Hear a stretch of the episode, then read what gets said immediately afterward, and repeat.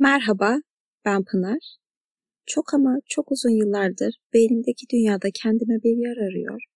Fakat kafamdaki karmaşık soruların iç içe geçmiş sıkışıklığından bir türlü oturup soluklanabileceğim bir alan bulamıyorum. Yıllardır kafamda hep aynı soru. Kimsin sen? Podcastlerimde aslında hem bu soruyu sorduğum serüvenimi hem de bu soruyu sormama vesile olan toplumsal cinsiyet üzerine beynimin neredeyse her gün yaka farkındalıkları bir de benden dinleyin istedim. Bu bazen bir anı, bazen bir kitap, bazen insanları gözlemlerken fark ettiğim bir davranış. Hepsini anlatırken kim olduğumu yeniden keşfederiz belki beraber. Hazırsanız derin bir nefes alıp yaslanın ve başlayalım.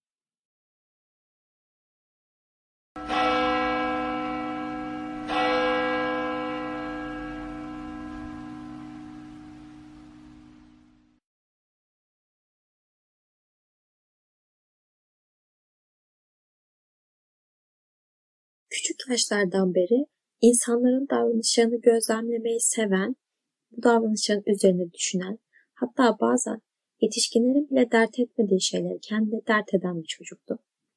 Dolayısıyla kendim üzerine de çok fazla düşündüğüm, yaşadığım süre boyunca hayatta nasıl bir yerim olmasını istiyorum üzerine de kafa patlattığım bir ergenlik ve ilk yetişkinlik dönemi geçirdi. Elbette ki çok yol kat ettim ama tamam mıyım diye soracak olursanız henüz değil. Çevremdeki birçok insan sürekli cinsiyet eşitliği üzerine konuşmamdan belki de boğuluyor.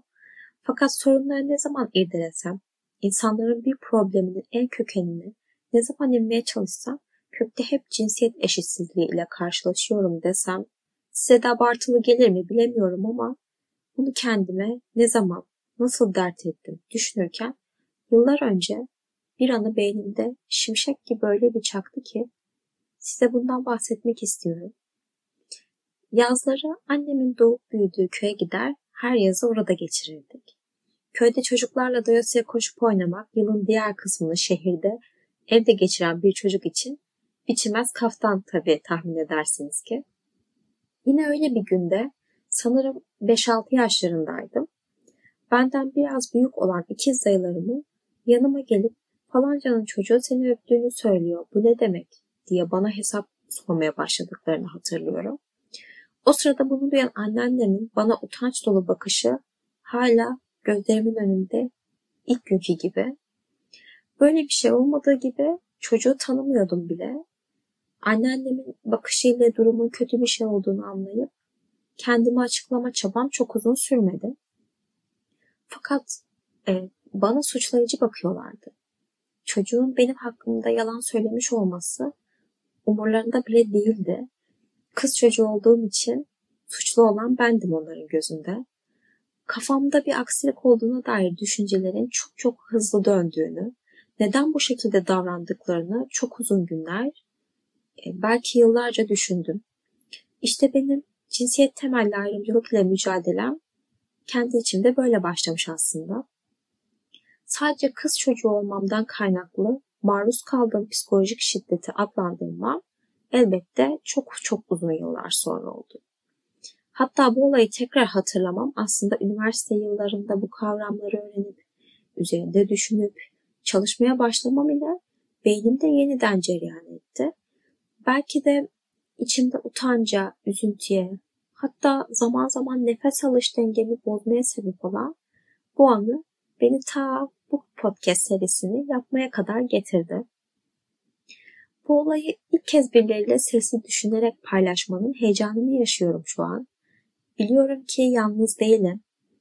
Çünkü belki doğacağı öğrenildiği andan itibaren birçok insan aslında cinsiyetiyle temellendiriliyor.